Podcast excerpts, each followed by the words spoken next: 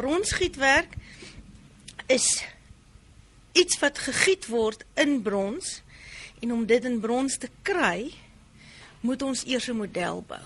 So die oorspronklike kunswerk kan bestaan uit 'n kleimodel of 'n wasmodel of selfs 'n gipsmodel. Uh selfs hout. Baie keer gebruik ek organiese materiale en ek plak hulle aan mekaar met was en ek werk met um byvoorbeeld stukkies klei daarmee saam of gips en tou, enigiets wat organies van aard is, sit dit bymekaar en dan van daar af gaan ons na die volgende stap en dit is om 'n mol te maak. Ek wil net gou daai aan mekaar sit of met die was of met die gips. Dis die kreatiewe proses. Dit is die kreatiewe proses. Dis dis die proses waar die geboorte plaasvind van daai idee. En idees is weer 'n ding wat op verskillende plekke plaasvind. By my vind dit altyd in die natuur plaas. So ek is baie lief om gereeld uit te gaan na die veld toe. Ek tel blare op, ek tel klippe op, ek tel takke op. Ek tel sommer 'n hele bos op en dan bring ek dit terug na my studio toe en dan lê dit hier soos jy kan sien hier buite. Lê die houte en goed En dan vra almal, "Maar wanneer gaan jy dit eendag gebruik?" En sê ek, "Ek het dit klaar gebruik want baie van daai vormgewing gaan ek en ek werk in my wasmodelle in. En in daai spesifieke ontwerp van wat ek wil hê. Ek maak ook baie gebruik van uh byvoorbeeld um prosa, digkuns. Baie keer sal ek iets raak lees. Uh baie keer lees ek iets raak in die koerant. Veral op jou uh Woensdag en Donderdag se blad in die Beeld se middelblad. Jy altyd vir Anne Marie van der Walt wat iets skryf of jy het vir vir wat sy naam Glasoog wat iets skryf. Kan nie onthou nie sy naam is altyd Glasoog gewees. Sy's een van 'n professor in sielkunde en en 'n en 'n filosoof. En in hulle goed wat hulle skryf, trek ek baie keer 'n woord uit wat vir my 'n bet visuele betekenis het. En van daar af sal ek dan die woord vat en met dit begin hardloop. En uit dit uit sal daar dan 'n visuele vorm uitkom. So, die eerste stap is hoe kry ons dan nou hierdie oorspronklike ontwerp in brons? Ons maak 'n mold van dit. Nou wat is 'n mold? 'n Mold is 'n silikoon rubber vormgewing wat sag en fleksibel is. En basies verf jy daai hele rubber silikoon reg rondom die oorspronklike vormgewing. En wanneer dit geset het, dan gaan jy en jy sit 'n gipsmold of 'n harsmold om dit om die om die sagte plastiese rubber vas te hou. En dan sny ek die hele hele vorm oop en ek haal daai rubber af en dan het ek nou weer 'n hol vorm. So hier kan jy dit nou sien. Ja, ons staan en kyk nou. Ek wil gou vir die luisteraars verduidelik. Ek moet sê dit lyk soos iets wat in 'n tandarts se spreekkamer hoort want dit is letterlik daai sagte deel waarvan jy praat is so lig pink en dan die die gips wat rondom is. En ja, dis heeltemal buigbaar. Dit is definitief buigbaar en dit is presies dieselfde goed wat tandartse in elk geval gebruik. Inderdaad. Ja, onthou een ding is kunstenaars gaan en sien wat die industrie doen. En as die industrie begin met 'n ding, dan gaan hulle en hulle kyk wat kan hulle van dit vat en dit verder verwerk totdat dit pas by dit wat hulle wil doen as as in 'n kunswerk. So of jy nou 'n nuwe stel tande kry, of jy nou 'n beeld kry, die basiese prinsip van dit is dieselfde. So al daai stappe volg ons ook, net 'n bietjie op 'n groter maat. So, Heel wat groter. Ja. So nou het jy hier 'n negatiewe vorm wat hier lê. En binne in die negatiewe flexible of buigbare rubber vorm, gaan ons in ons verf warm was in. En dit doen ons met verskeie lagies was wat ons opverf tot ons hom opgebou het tot omtrent met so 5 mm. En dan word die hele vormgewing toegemaak want die die lagies was wat jy opverf is as die twee dele apart is van mekaar. Goed. Apart. En dan sit jy dit bymekaar. Ekskuus, ek moes dit genoem het. Nee nee. Dan word die vorm toegemaak en dit word geklamp en dan binne in dit gooi ons dan 'n koeler was. En daai was hardloop in al die nate in. En dan na so 'n uur het dit afgekoel en dan maak ons die vorm oop en uit die vorm uit kom die positief weer. In was. Hoekom eers die warm was? Was is loopbaar en hy vloei oral. So hy tel al die fynere detail op wat in jou oorspronklike vorm is. wat nou vasgelê is in die rubber, in die silikoonrubber. So daai was gaan lê letterlik in al daai klein detail gaatjies en wanneer jy dan die vorm aftrek, die rubber aftrek, dan het jy nou jou positief in was wat lyk soos die oorspronklike een. Nou die oorspronklike een van die betrokke figuur wat ek die maestro, die dirigent noem, was in gips gemaak. So al die tekstuur wat ek in die gips gekry het, het ek nou weer terug in was. So elke krapmerkie of buitelmerkie of wat kan mens sien, want dit die die was loop in dit in. Presies. En die ander ding met met met 'n goeie was is dat jy wil basies skep jy 'n reproduksie van die oorspronklike werk. Daar is van my werke wat ek maak wat net een van een is. Dan sal ek byvoorbeeld direk net in was modelleer en deur die stappe gaan. Maar nou vir jou om net vir jou idee te gee hoe ek 'n reproduksie maak, sien nou maar ek wil besluit ek wil 'n edisie hê meeste van my werke is edisies van 7. So beteken dit dieselfde vormgewing wat ek 7 keer herhaal en in eh, die rede vir dit is hoekom beeldhouers dit doen is die kostes om 'n mal te maak. En die hele proses van bronsgiet is besonder hoog. Dis 'n duur proses. En brons self hou baie lank. Ek bedoel hy oorleef ons 2, 3, 4000 jaar kan ons nou nog uh, brons artefakte sien wat die Chinese al gegiet het 3 4000 jaar voor Christus. So wat dan gebeur is is omdat ek dan 'n vormgewing het, het kan ek meer as een produseer. Ja. En gewoonlik wat ek doen is ek sal net een maak en as hy verkoop, dan sal ek die tweede een produseer. Die ander ding wat belangrik is is om te onthou, sodra 'n werk groot word, in die sin van dat hy as hy groter as 20 30 cm groot is, dan wil ons die bronsgietsel hol hê. En hoe gaan ons dit hol kry? Ons dis hoekom ek die was opverf in klein laagies sodat die vormgewing as ware hol is. Want die eindproduk, die bronsbeeld, is hy ook hol ja. of is hy solid? Die eindproduk is ook hol, want is dit goedkoper of hoekom? Ja. Ja, daar's verskeie redes. Een van dit is dat jy werk met gesmelte metaal. So op 1100 grade Celsius haal ek die metaal uit my oond uit, my gietoond uit. Die metaal lê in 'n kroes en daai warm metaal word dan nou in 'n vorm ingegiet. So die was is net 'n plekhouer van wat éventueel gaan brons word. Mm. Want die vraag is, hoe kry jy die ding in brons? Dit moet die warm brons moet in iets inhardloop wat die hitte kan dra van daai betrokke brons. So hierdie is nou die eerste stap om by daai éventuele produk uit te kom wat ek jou nou gaan wys. Ekskuus, ek het nou weer vooruit gehardloop. Goed, ons kyk nou nog na die hol was replika. Daar's hy. Nou hierdie hol was replika moet nou 'n gietkanale kry. Dit moet basies soos 'n boom met 'n stam met takke met blare. En om die voeding te kry tot by die blare, het jy 'n manier nodig om dit daar om om tot daar te kom. En wat ek dan doen is ek sit wat ons noem gietbeker op met kanale en al hierdie kanaaltjies is ook in was. En alles word verbind aan die oorspronklike replika. En die hele vormgewing word dan gevat en in 'n bad met keramiek shell gedoop. En hierdie keramiek shell is amper soos 'n gom. Hy klou aan die was vas en hy tel al die fyn detail op. Want ons is besig om te reproduseer die hele tyd. So al die stappe waardeur ons gaan, is besonder moeilik om te visualiseer. Nou, terwyl ek met jou praat oor die radio, van die luisteraars moet nou probeer verstaan wat gebeur hier. En hier's 5 stappe wat gebeur. Jy het 'n oorspronklike werk. Dan het jy 'n mold. So dis 'n replika wat 'n negatiewe vorm is. Hy's hol. Dan maak ons 'n positiewe vorm in was mhm. wat nou weer lyk soos die oorspronklike een. En daai was word dan nou weer binne-in 'n mengsel van keramiek shell en sand gedoop. So ons skep nou weer 'n mold reg rondom die was. Sodra daai mold klaar is, word die was uitgesmelt En in die holte wat die was waarin die was was, word dus dan nou die brons.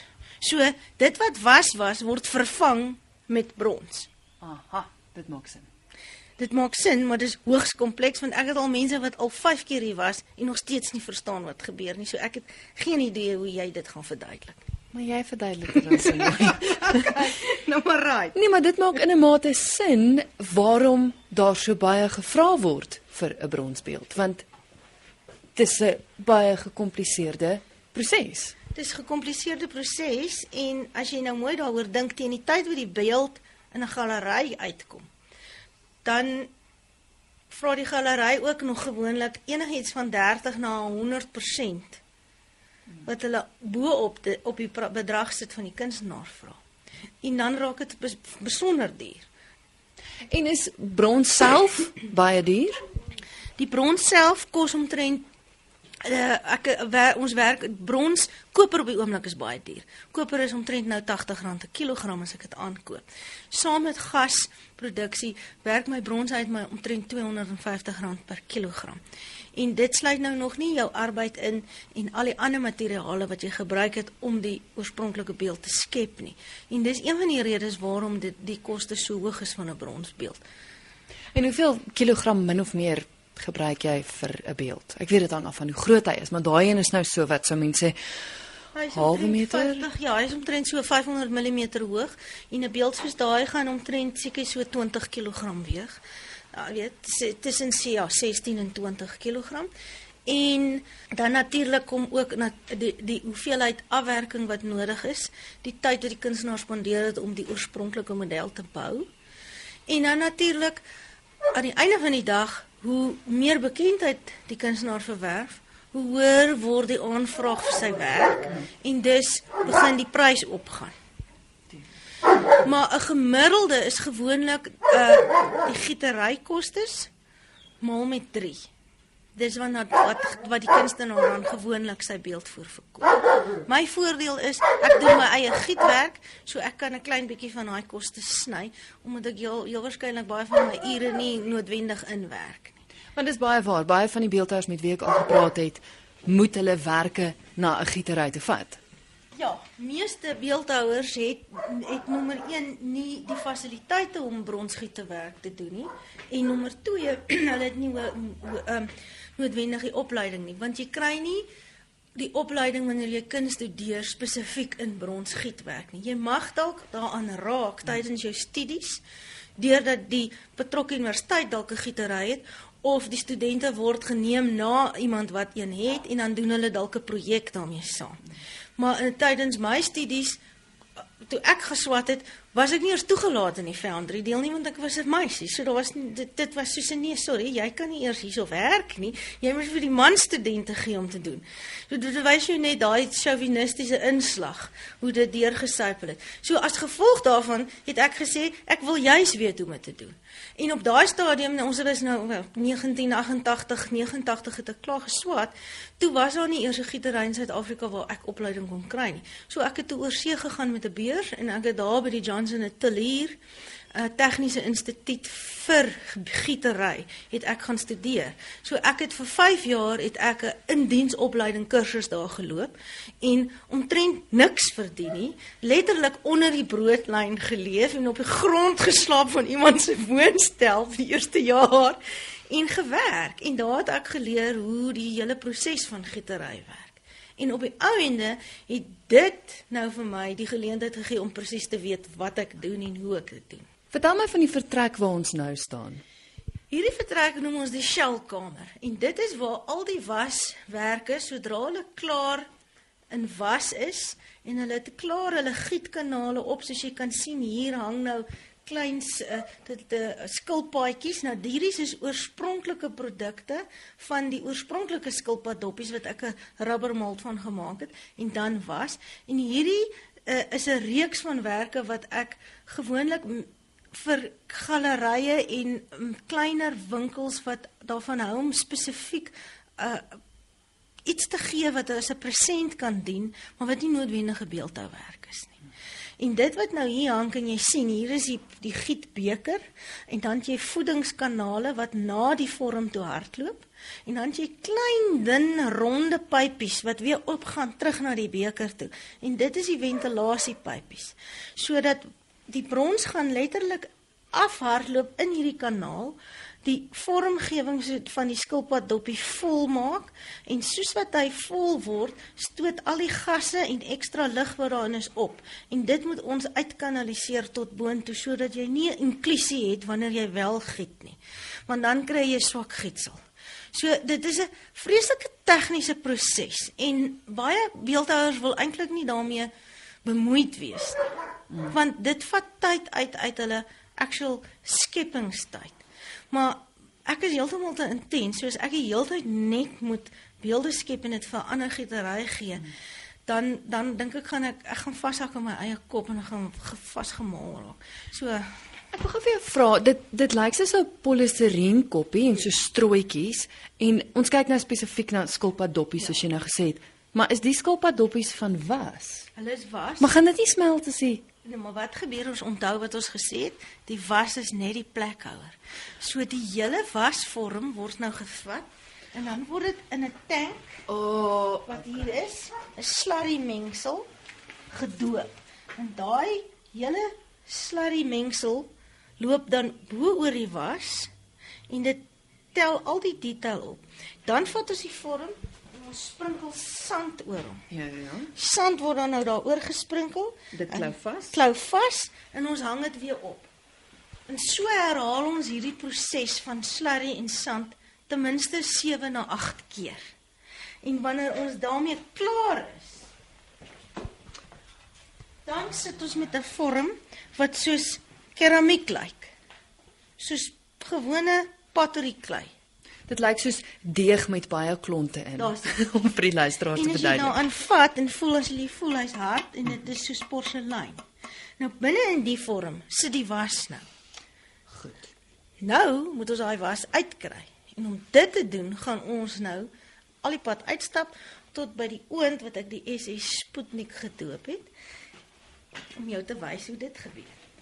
So daai was doppies wat nou daar hang, die was gaan verdwyn. Die was gaan verdwyn. So hy kan nie weer gebruik word nie. Nooit weer nie. Dis hoekom jy die rubbermold het. Want die rubbermold is nou daar indien iets fout gaan. Het jy daai mold, dan moet jy weer teruggaan na die eerste stap en weer 'n wasmodel maak.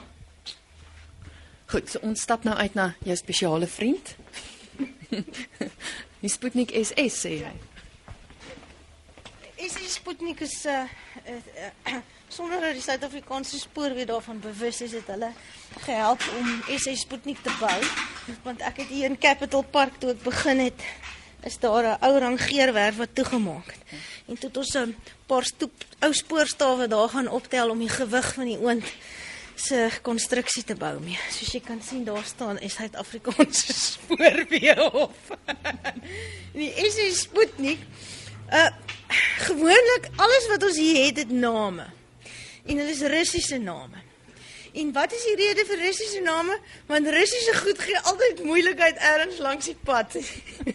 so, dit vat 'n rukkie om 'n ding gebou te kry tot hy werk. Want alles hier het ek letterlik gebou. Ek en Kay het alsi gebou. Kay is my besigheidsvernoot en toe ons begin het 14 jaar terug het ons elke ding self gebou. Uh ek het partykeer, ek dink ek het omtrent al 15 of 16 ouens gehad wat hier deur gekom het en gehelp het met bouery. En dan na 'n jaar of twee dan is dit nou net te veel en dis net te swaar en ons is nie meer lus nie en dan vertrek hulle en dan kom die volgendes. Maar gelukkig is ons gekwalifiseer op alle aspekte van gietery. So dit beteken jy moet ten volle kan swys, gekwalifiseer wees in alle vorm van swys. Jy moet kwalifikasies hê in die begrip van verskeie materiale van brons, van metale, van gips, van was, van klei en al daai dinge op die ou ende sit jy saam om by die finale produk te kom wat kreatief van aard is, wat skoonheid skep en wat ons 'n kunswerk noem. Vertel my van wat gebeur nou hier by Sputnik. Ons het nou gepraat oor oor die die keramiek shell. Ekskuus my Engels, maar wat gebeur dan nou in die Sputnik met daardie keramiek shell? Daai keramiekvorms word nou gevat Die beker, daar waar die wat jy gesien het, die die die koppie was, dis oopgesny. En nou word daai hele vorm in hierdie oond gesit en ons pak hom vol met omtrent 30 vorms onderste bo dat die beker nou onder lê en ek sit dit in hierdie oond en ek brand daai was uit. En daai was brand dan nou uit, so dit val als uit dwars deur die stene en ek het 'n opvangbak met water om die was op te vang en dan gaan ek dit weer herwin later. En terselfdertyd bak ons ook daai shell want dit is maar so klei. Jy het 'n klei wat jy het en dan laat jy hom droog word en dan gaan jy en jy sit hom in 'n oond en dan gee jy vir hom sy eerste vieringsproses. Dis basies omtrent dieselfde ding wat ons nou hier doen. Ons smel die was uit en ons bak die keramiek. En die keramiek is spesifiek ontwerp om hoë hitte te kan vat. So die ontwerp die proses van die keramiek het is destyds in die Tweede Wêreldoorlog ontwikkel deur die Duitsers. En die Amerikaners het dit by hulle gaan steel al die blueprints en teruggevat en toe het hulle dit gebruik in die, oorspronklik in die Chrysler 'n uh, koöperasie se vervaardiging van motoronderdele. En daar het dit het dit begin om al hoe meer gebruik te word en omtrent hier in die 60er jare het die kunstenaars daai proses gesien en dit toe gaan vat en toe begin toepas op hulle eie werk. Soos ek gesê het, die industrie kom met die idees en die kunstenaars vat dit net en hulle gebruik dit en druk dit tot by 'n punt waar hulle dan op die ou en 'n resultaat kry wat vir hulle visueel van aard is. So as dit klaar gebak is en die was is uit, dan het ons terselfdertyd 'n oond, 'n ander oond. Nou in Engels het jy het jy twee name. Jy het 'n furnace en jy het 'n gewone en jy het 'n kiln. In Afrikaans het ons net die woord oond. Ek is nie bewus van dat daar 'n ander woord is nie. Ons het 'n gietoond en ons het 'n bakoond. Nou 'n bakoond is gewoonlik iets wat op op op 'n stadige hitte stadig bak. 'n Gietoond is teenoorgestelde. Ons wil so vinnig as moontlik, so gou as moontlik 'n klomp metaal smelt.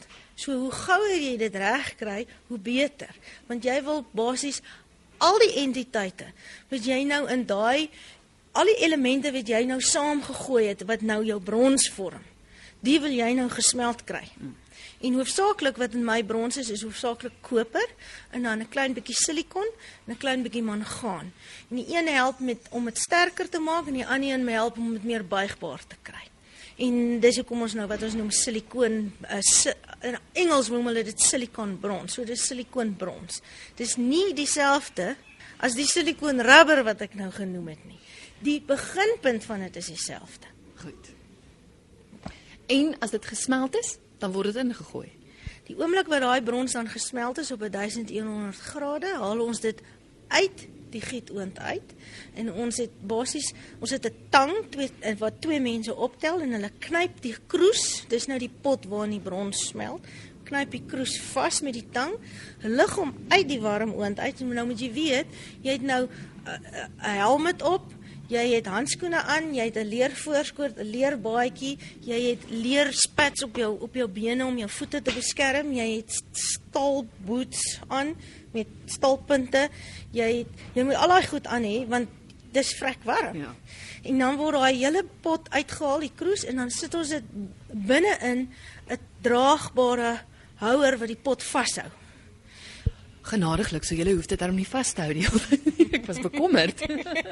en dan het ons weer eens, ons gewoonlik 3 mense nodig om te kan giet, want jy het die ou wat die gieter is en dan jy die ou aan die ander kant wat ons die dead man noem, hy is die dooie ou, hy moet net vashou.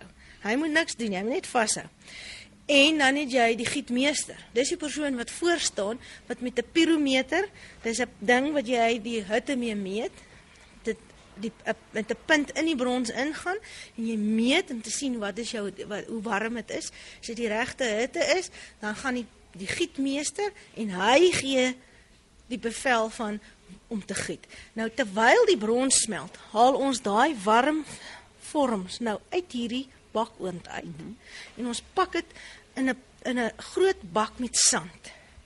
En ons pak dit toe dat net die beker uitsteek. Die rede daarvoor is dat Nommer 1 vir veiligheidsredes. Indien iets breek, indien 'n shell kraak en jy het 'n metaal spul, dan hardloop al daai warm brons in die sand in. Dit hardloop nie oor die vloer nie. Sement is een van die goed wat die heel vinnigste in stukke skiet. So dis hoogs gevaarlik om net in 'n oop vorm te giet. Die ander rede is die sand hou die die keramiekvorm stewig vas mm -hmm. en hy hou hom langer warm. Want jy moet nou onthou ons haal hierdie vorms op 1000 grade uit die oond uit. Ons pak hulle in die sandput. Terselfdertyd maak ons seker dat ons brons ook gesmelt is sodat wanneer die vorms uit die oond in die sandput gaan, die brons reg is om binne 5 minute ook in daai vorms ingegiet te word. Waarom moet die vorms warm wees? Om termiese skok te verhoed. Want as jy 'n warm ding in iets kouds gooi, jy al gesien wat gebeur as jy kookwater in 'n glas mm. gooi. Hy kraak. Mm. Dis dieselfde ding wat hier gebeur. So jy die hele tyd moet jy bewus wees van wat gebeur met die proses. So ons kan nie nou net sommer enige mampara kry om hier te kom werk en sê kom doen nou dit nie. Dit is eintlik 'n hoogs gespesialiseerde proses. Ons is 'n bietjie soos ingenieur, maar ons steur ons nie regtig daaraan nie want ons het nou nie al hierdie ander dinge wat he, me, mense baie baie keer kom die ouens hier aan en sê hulle Sissie, maar wat jy doen is 'n bietjie soos wat ingenieurs doen. Dis sê ek ja, gelukkig net ek hoef nie 'n brug te gaan bou nie. So, jy die beeld as ek 'n groot werk maak dan is strukturele uh, as uh, bou en konstruksies besonder belangrik. Maar op 'n kleiner bronswerk is jy dan nou nie daai ding van iets gaan op iemand val nie. So daar's 'n daar's 'n mate van gemak in die sin van dat jy leer al die prosesse en jy pas dit toe en met tyd gaan jy agterkom wat werk en wat werk nie. Ek moet eerlik wees, ek het gedog dit gaan 'n kort onderhoud wees, maar ek het nooit besef dit so 'n ongelooflike intensiewe en langdradige proses nie. Ek wil gou by jou hoor, as die brons nou afgekoel het. Punt nommer 1 wil ek weet hoe lank vat dit vir dit om af te koel? Maar wat gebeur dan? Kap jy die die keer die ja, keramiek? Ja, jy jy jy volg besonder goed hierso. Sodra ons nou daai warm brons in die vorms ingegiet het, dan laat ons dit vir omtrent so 35 40 minute afkoel. En dan gaan ek, want dan het jou kristallisasie klaar plaasgevind. So jy het basies hierdie warm brons en dit koel af. So jy het al hierdie klein molekulêre strukture wat besig is om te beweeg en soos wat dit koeler word, so raak hulle al rustiger. So jy, jy moet jouself verbeel is lewendig. En so raak die energie al rustiger en wanneer dit nou by 'n punt kom waar hulle nou basies tot stilstand kom, dan haal ons nou daai vorms uit, maar hulle is nou nog steeds warm. En ons gooi hulle in 'n groot vet bak water. En daai wat daai water dan doen is hy skok nou daai shell as ware af in die sin van dat dit begin kraak en dit raak los van die brons. En dan is dit veel makliker om dan met 'n hamer te gaan en dan moet jy nou versigtig daai keramiek afkap. En die vorm so totdat die vorm nou homself ontbloot. Mm. En wanneer jy nou dit gedoen het, dan sit jy nou nog met daai keramiek wat nou vassit in al die klein detail deeltjies van die van die werk. En dit word dan eers gevat ons na 'n ou wat dit sal sandstraal. Ek doen nie die sandstraal self hier nie, want dit is vuil en is stowwerig. Wat is sandstraal? Sandstraal is 'n Engelse sandblast. Oh, maar ehm um, Ek weet nie wat is die Afrikaanse woord vir sandstraal nie, maar in die tyd toe ek in België gebly het, moes ek definitief leer Vlaams spreek en hulle het gepraat van sandstraal. So jy blaas hom skoon met met met fyn sand en dan kom die werk terug en dan is ons nou eers halfpad met die hele proses. Halfpad nou eers. ja, vertel die verder. Die rede daarvoor is, sien nou maar ons het 'n beeld gehad wat so groot soos ek en jy is dan beteken dit ons moes daai hele vorm in kleiner dele sny en was. Waarom? Jy het sekere groottes waarmee jy kan werk. Jy die ker, die die keramiekbak wat jy gesien het waarin ons die slarrie het, is 'n sekere grootte. So jy kan nie 'n vorm groter as sien nou maar 500 by 400 daarin sit. So die oomblik as jy groot werk het, dan moet jy dit opsny. En dit moet hol wees. En hoe het ons dit reg gekry om dit hol te kry? Ons het die was hol giet dat hy net 5 mm dik is. Maar terselfdertyd het ons sulke klein seksies oopgesny in die was sodat die keramiek binne en buitekant inloop. Nou al daai klein plaatjies moet nou na die tyd weer teruggeswys word op die oorspronklike beeld. So dit is wat ek probeer sê is by nou soos eers halfpad. Want nadat ons dit uitgegiet het, nou moet ons al daai gietkanale gaan afsny met 'n grinder met 'n sny uh, lem op. dan moet ons gaan en ons moet al daai holdele wat nou oop is, moet ons nou daai vorm weer terugsit. Dis basies soos 'n legkaart. Hmm. Jy sit nou weer sit hulle terug, swys dit op en om dit te doen is weer 'n proses en dan moet jy dit afwerk. En daai afwerkingsproses vat besondere lang tyd want jy moet weer die tekstuur gaan herproduseer soos wat hy oorspronklik gelyk het. Soos jy ergens loop en jy sien 'n groot bronsbeeld. Nou moet jy weet daai beeld is in verskeie dele gegiet. En nou moet jy begin soek en sê, "Oké, okay, was die gietery goed genoeg met wat hulle doen?" Sodat jy nie lasplekke kan ja, sien. Ja, jy moet nie die lasplekke kan sien nie. So, dis baie maklik om agter te kom of 'n gietery regtig weet wat hulle doen of nie. Gaan loop net en gaan soek vir die lasplekke. Jy kan jy kan maklik sien waar is lasplekke as jy na groot beelde gaan en hulle het nie presies tegnies geweet wat hoe om dit om dit te doen nie. Dan is alles sigbaar. So dit is waar die hele proses inkom van baie langdurige werk want jy moet al daai teksture terugsit en dit doen jy met verskeie gereedskap. Ek gebruik hoofsaaklik liggereedskap op dit en dan praat ons nou weer terug soos by 'n tandarts. Jy het baie klein fyn fyn fyn beurs waarmee jy sny. Jy het klein sanding sand pa, uh, uh, papier waarmee jy skuur. Jy het verskillende, jy het stene, daar's allerlei goed wat jy gebruik om daai tekstuur terug te werk en dan jy nog handgereedskap wat ons mat tools noem. Dit is gereedskap wat jy self maak oor die jare heen. So ek het spesifieke teksture op my werk. Om daai tekstuur te herhaal, het ek letterlik mat tools gemaak. So jy moet eintlik nog 'n kursus in gereedskap ook hê. Omdat jy daai tool gemaak en dan het jy wat hulle noem fettling in Engels. Dis koue wat jy die metaal koud werk. So jy hanteer hom met 'n klein hamertjie en daai tipe buiteltjie wat jy het met die tekstuur op die buitel se punt. So dis basies 'n buitel sonder 'n punt. Hy's plat met tekstuur op en dit word teruggesit op die vormgewing sodat jy glad nie kan sien presies daar waar daar swysnaad was nie. Sanna, ons staan nou hier by finale produkte, maar in jou hand hou jy 'n beeld vas wat dis hoe hy lyk as hy as hy afgekoel het. Maar dis 'n ander kleur as die finale produk. Ja, Hoekom? Hierdie kleur is wat ons noem die die groen kleur van brons. Die, die eh, soos in dit is hoe hy lyk net nadat hy gegiet is. Ons die shell afgekap het en ons hom mooi skoon geblaas het. En dit is soos jy kan sien, dis amper 'n soort van 'n 'n geel-rooi goudkleur. Mm, en dis dof. Ja, en dis dof, is 'n metaalkleur.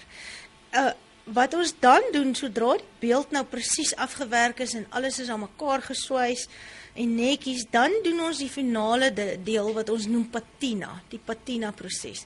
En basies is patina is maar 'n Franse naam wat geskep is om die verandering van die oppervlakte deur middel van 'n chemiese proses.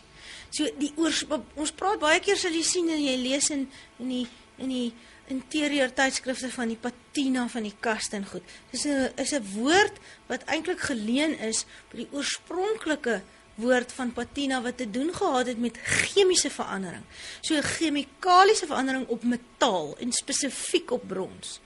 En die rede daarvoor is dat As jy brons net buite los, gaan hy op sy eie tyd oksideer. En afhangende van hoe vuil die lug is of hoe skoon dit is of waar jy is, as jy byvoorbeeld by die see is en jy los die bronsbeeld net so daar buite. Oor 6 maande of 'n jaar is hy pragtige groen. Want die see lug en al die soutte daarin het dan nou geaffekteer dan die koper in die brons. En dit veroorsaak dan die kleurverandering. So patina is basies 'n manier om jou eie kleur te skep sonder dat jy moeder natuur gebruik. Jy help dit as ware aan om dit in 'n kleur in te sit wat jy wil. So ek gebruik byvoorbeeld 'n uh, uh, ysternitraat vir rooi. Ek gebruik ammoniumsulfaat vir swart. Ek gebruik kopernitrate en kopersulfate vir groen. Ekskuus tog dat ek net my wilde wilde wolf ontstil maak hierso. Nou waar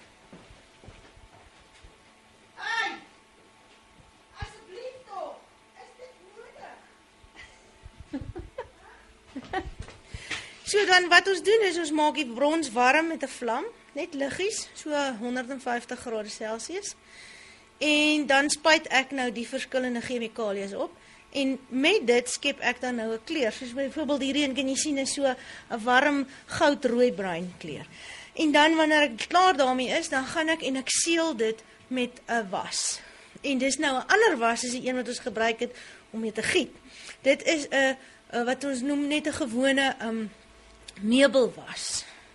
Soos uh, wat jy op houtmeubels sal sit, gebruik ons ook. En ons letterlik terwyl die beeld nog warm is, vat ons nou met 'n kwas en ons spit spikkel dit dan nou op die beeld. En daai was smel dan en hy trek in die brons in en hy seël die brons. En dan wanneer hy afgekoel het, dan gaan ons in ons vryf hom met 'n lap. Nou nie my baadjie se punt soos hier net om geweet te wys. En dan sien jy daarso begin hy nou blink. So jy kry so 'n sagte satijnblink. Dis nie dis nie so 'n skelblink soos wanneer jy byvoorbeeld gaan gaan en dit spuit met met 'n met 'n met 'n vernis nie. Baie keer word beelde met 'n vernis gespuit as hulle as hulle buite moet staan. Maar ek hou nie daarvan nie want dit lyk altyd vir my so ek weet nie so goedkooprig. As mens nou so behandelde beeld buite sou sit by die see, gaan hy in elk geval ook later groen word. Hy sal ook éventueel groen word. Behalwe as jy hom gereeld seël, maar dan moet jy hom elke 6 maande met was met met met ek gebruik sommer die kiwi skoenpolitoer se neutrale was. So nou sit jy hom in die son dat hy net lekker warm word en dan sit jy daai was op. En dan uh, wag jy dat dit afgekoel het so na 'n uur of 2 en dan vryf jy dit net met 'n met 'n katoendoek op. Maar by die see gaan beeld altyd groen word en Weet jy wat is eintlik mooi want daar's ja. verandering wat plaasvind. So los hom maar laat hy groen word. En presies soos jy aan die begin gesê het, jy doen nou die proses om te doen wat die natuur eintlik moes gedoen het. Presies. As jy gaan kyk baie van die beelde, as jy kyk na ons groot beeldhouwerke waar waarvan daar nou nog oor is, wat nou nog nie almal op gesmeld is en skrootwerwe toe gevat is nie. Byvoorbeeld, jy sal sien by by die Voortrekker Monument is die werke van Anton van Wouw. Daai van daai beelde is so snaaks so swart-groen kleur. Dis nou van jare en jare en jare wat jy nou basies reën gehad het en al die omgewing en stof en roet en rook en alles wat nou daarop vassit. So die oorspronklike kleure van daai beelde was almal basies so mooi roesrooi, 'n donkerbruin geweest. En met die jare het hulle nou groen geword en so snaaks swart kleur en nou natuurlik duwe het ook 'n groot aandeel in daai aaklige wit, maar weet jy wat? Die brons gaan dit kom nie regtig iets oor nie. En so dit mens kan dit net so los. Alhoewel dit mooi sal wees as 'n mens hulle wel kan restoreer so eenmal elke 10 jaar. Maar dit is nou nie die einde nie. Dit is die grootste voordeel van bronswerk. Hulle kan buite staan en regtig niks oorkom nie. Hulle is hulle is hulle is dis as ware asof jy met 'n bronswerk baie verder kan kom as met enigiets anders. Elke jaar moet jy jou elke 5 jaar moet jy dan jou dak seël. Elke 5 7 jaar moet jy jou huis se mure verf en jou heining. Al daai goed dit, dit dop af en dit roes en als bronswerke roes nie. Hulle bly daar vir ewig. Hulle gaan jou uh, uh, uh, totaal en al oorleef.